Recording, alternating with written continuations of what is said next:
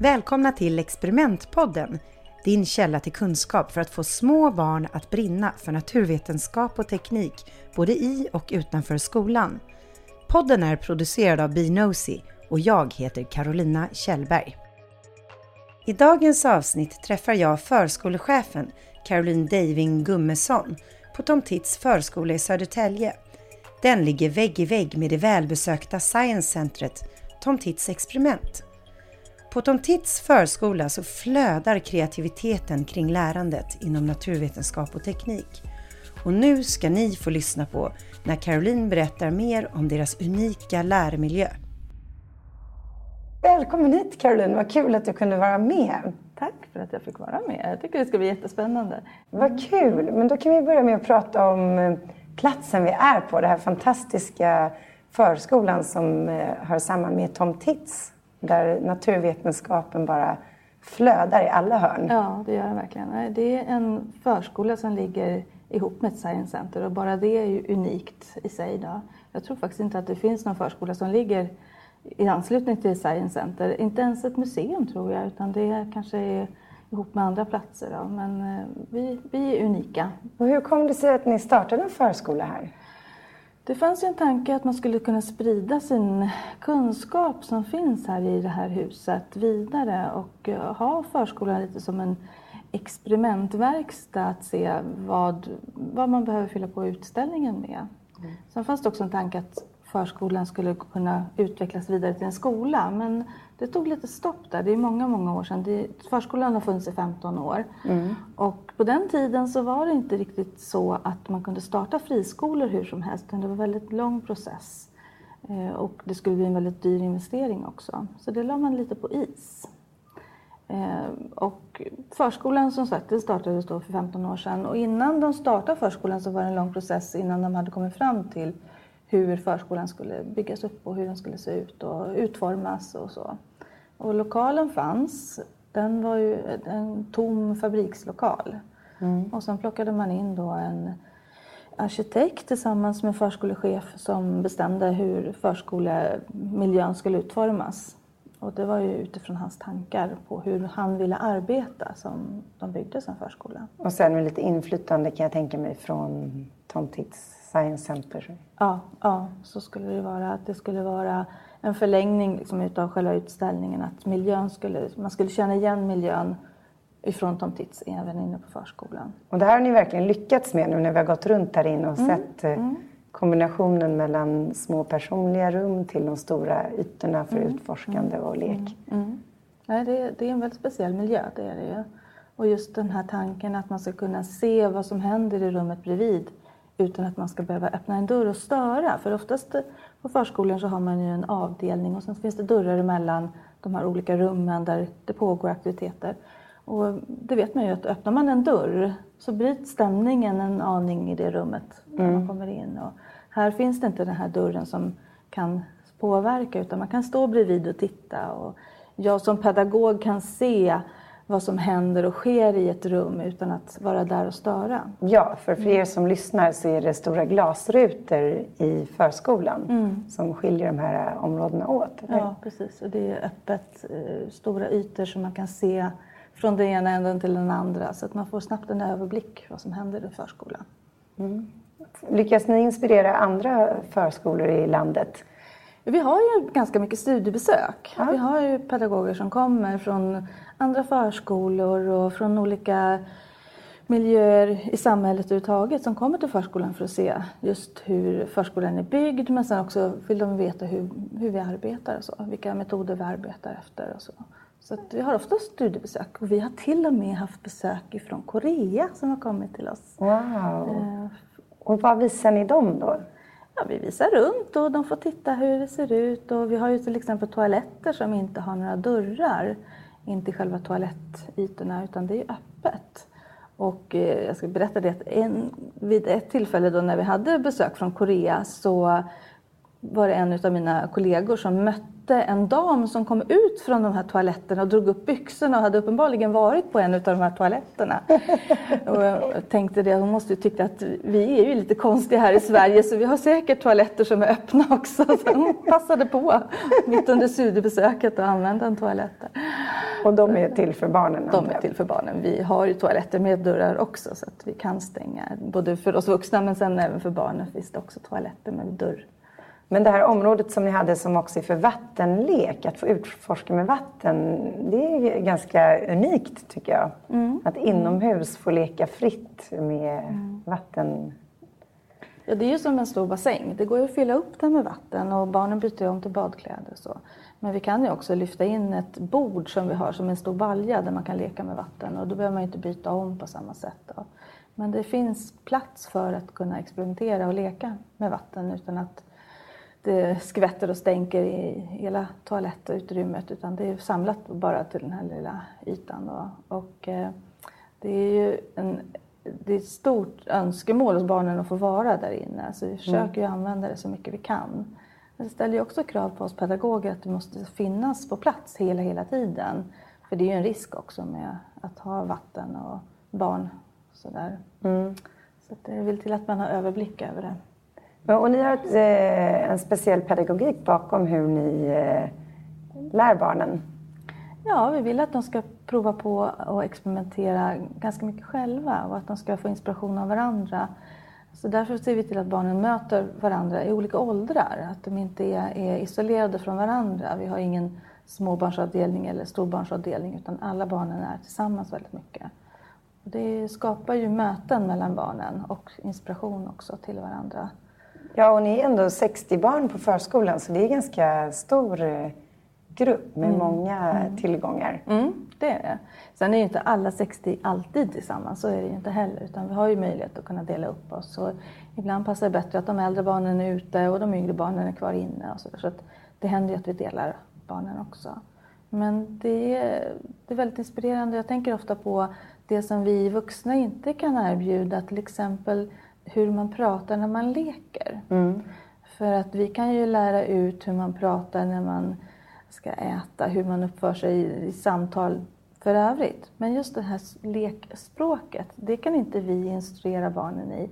Utan där behöver ju de yngre barnen vara nära och lyssna in hur de äldre barnen pratar när de leker. Mm. Och det tycker jag är så härligt att se hur de små barnen kan delta, i alla fall och lyssna och se vad som händer i en lek som är kanske alldeles för avancerad för dem själva. Mm. Och det händer ju inte om man separerar åldrarna Nej, för mycket. Det. det gör inte det. Men sen tyckte jag det var lite roligt att höra om den här linbanan som du visade mig. Mm. Ja, vi har ett snöre som vi spänner upp i vår bygghörna där barnen bygger med Duplo-klossar så att de kan bygga farkoster som kan åka längs den här linan.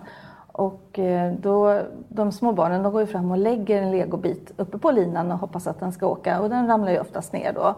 Och eh, så dröjer det en stund och så kommer det kanske ett äldre barn och bygger en sån här farkost och så får de se hur man gör och ibland så hjälper de varandra också då så att det äldre barnet hjälper till och bygger till det yngre.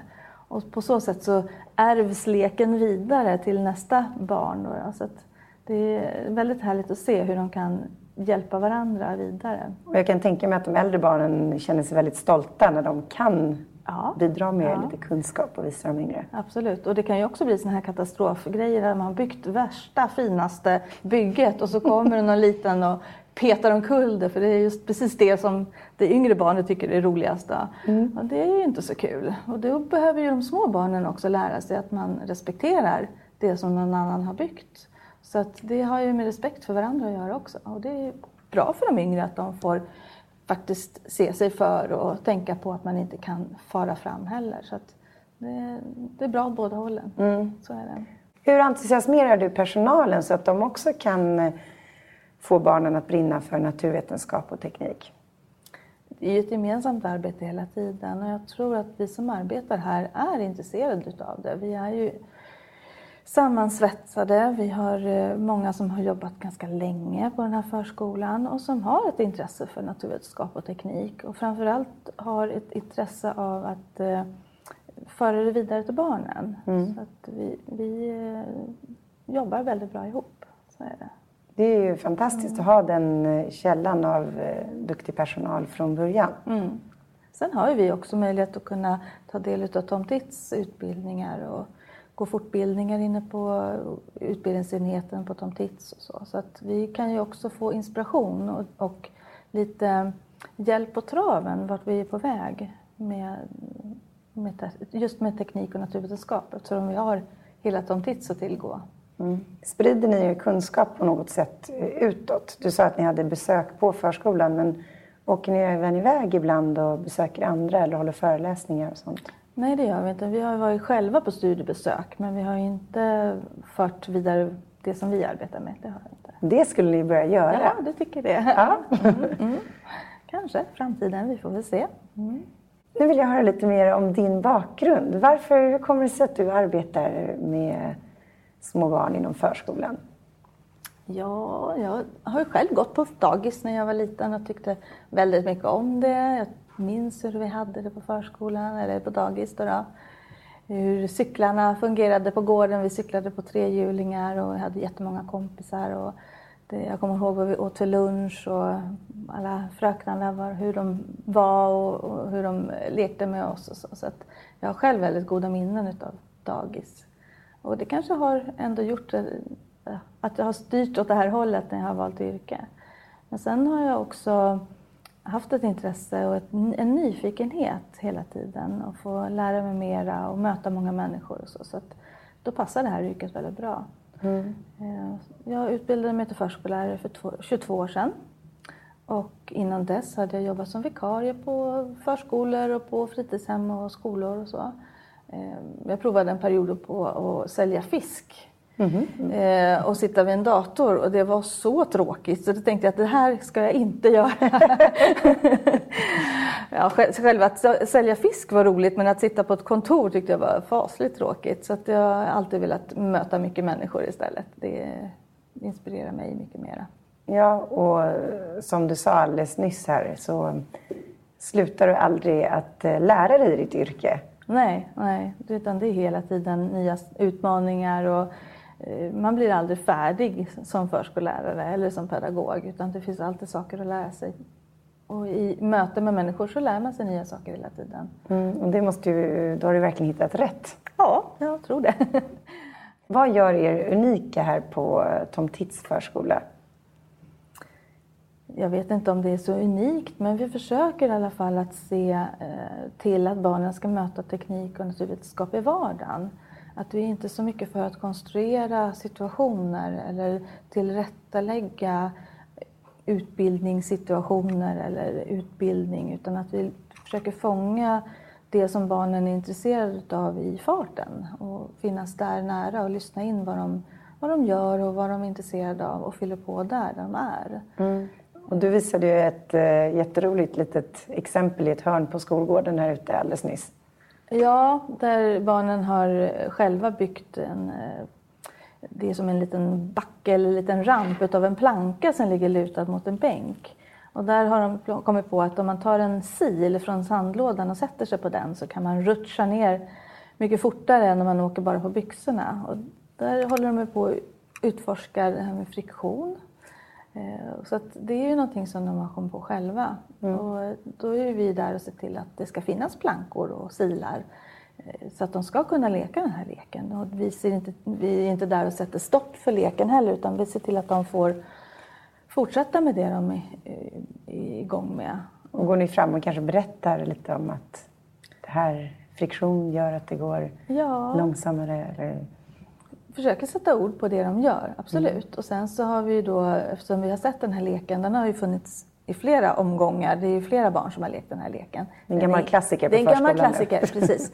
Och då har vi ju tagit det i tillfället i akt och tagit med tanken just det här med att rutscha ner för saker. Så vi har ju gått till lekparken till exempel och då pratar vi också lite om friktion. Att tänk på att den här rutschkanan är helt annorlunda än den som ni brukar bygga på gården. Mm. Och sen har vi också provat då på, ute i Tomtidsparken har vi också ett ställe där man kan rutscha ner för en, egentligen en barnvagnsramp. Mm. Men den går jättebra att åka på. Och där upptäckte barnen att det gick mycket snabbare när den var blöt. Så de hängde, hällde på mycket vatten på den och sen rutschade de ner med sina galonbyxor. De hade galonbyxor eller regnbyxor på sig Ja, den vad dagen. kul. Och då ser vi till att de får fortsätta med den leken och att vi nästa gång vi går ut i parken tog vi med lite material att kunna åka på. Alltså vi hade med oss lite sittunderlag och någon bricka hade vi rotat fram. Ja, och den måste varit saker. rolig. Ja.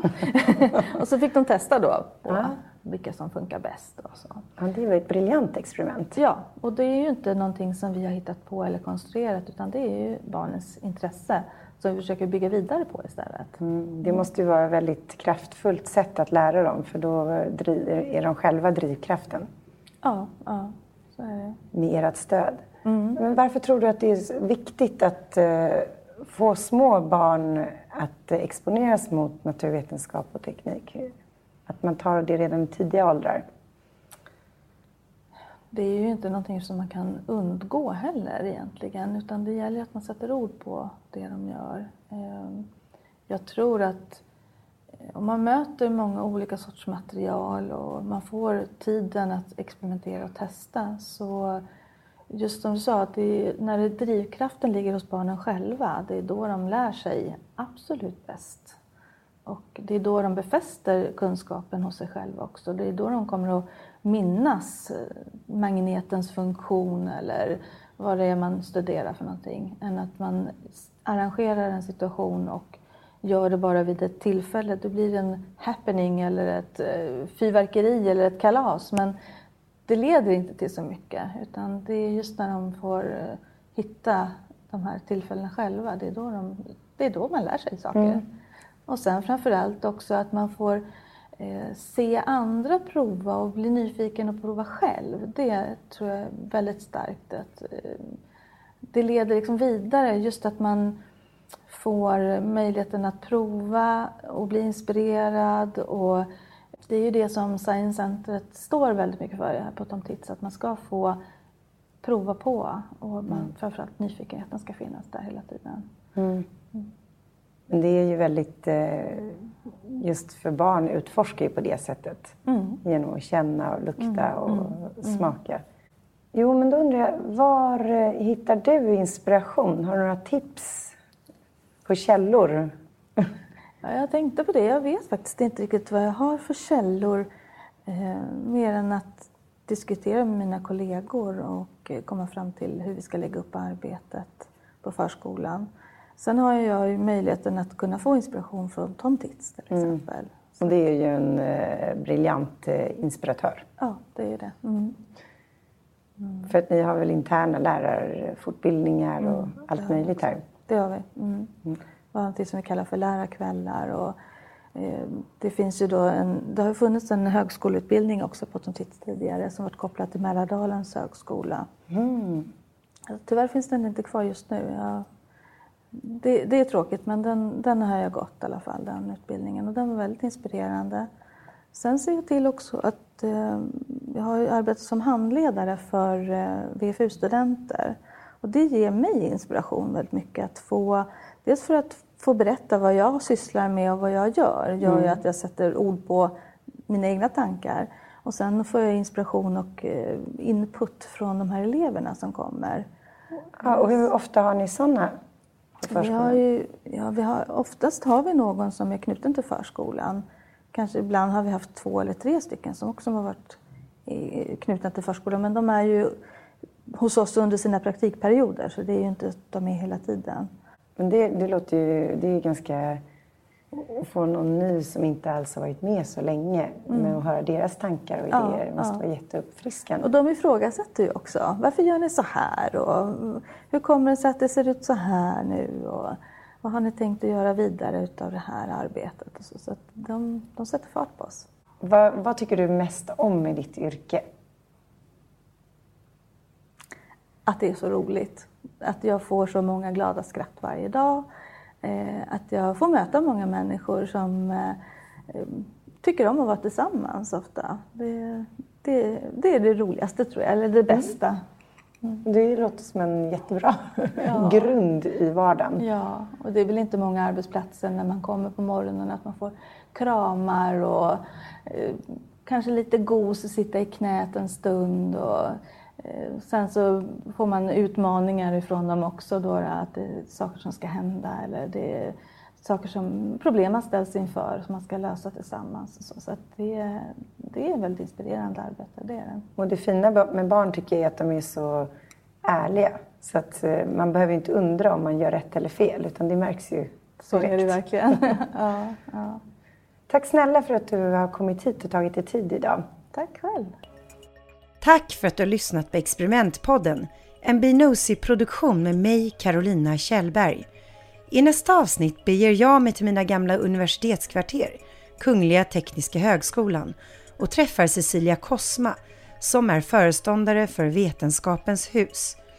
Vill du få detaljer kring experiment så gå in på bnosy.com, B-N-O-S-Y, alltså vår hemsida, och prenumerera på vårt nyhetsbrev. Vi hörs snart igen!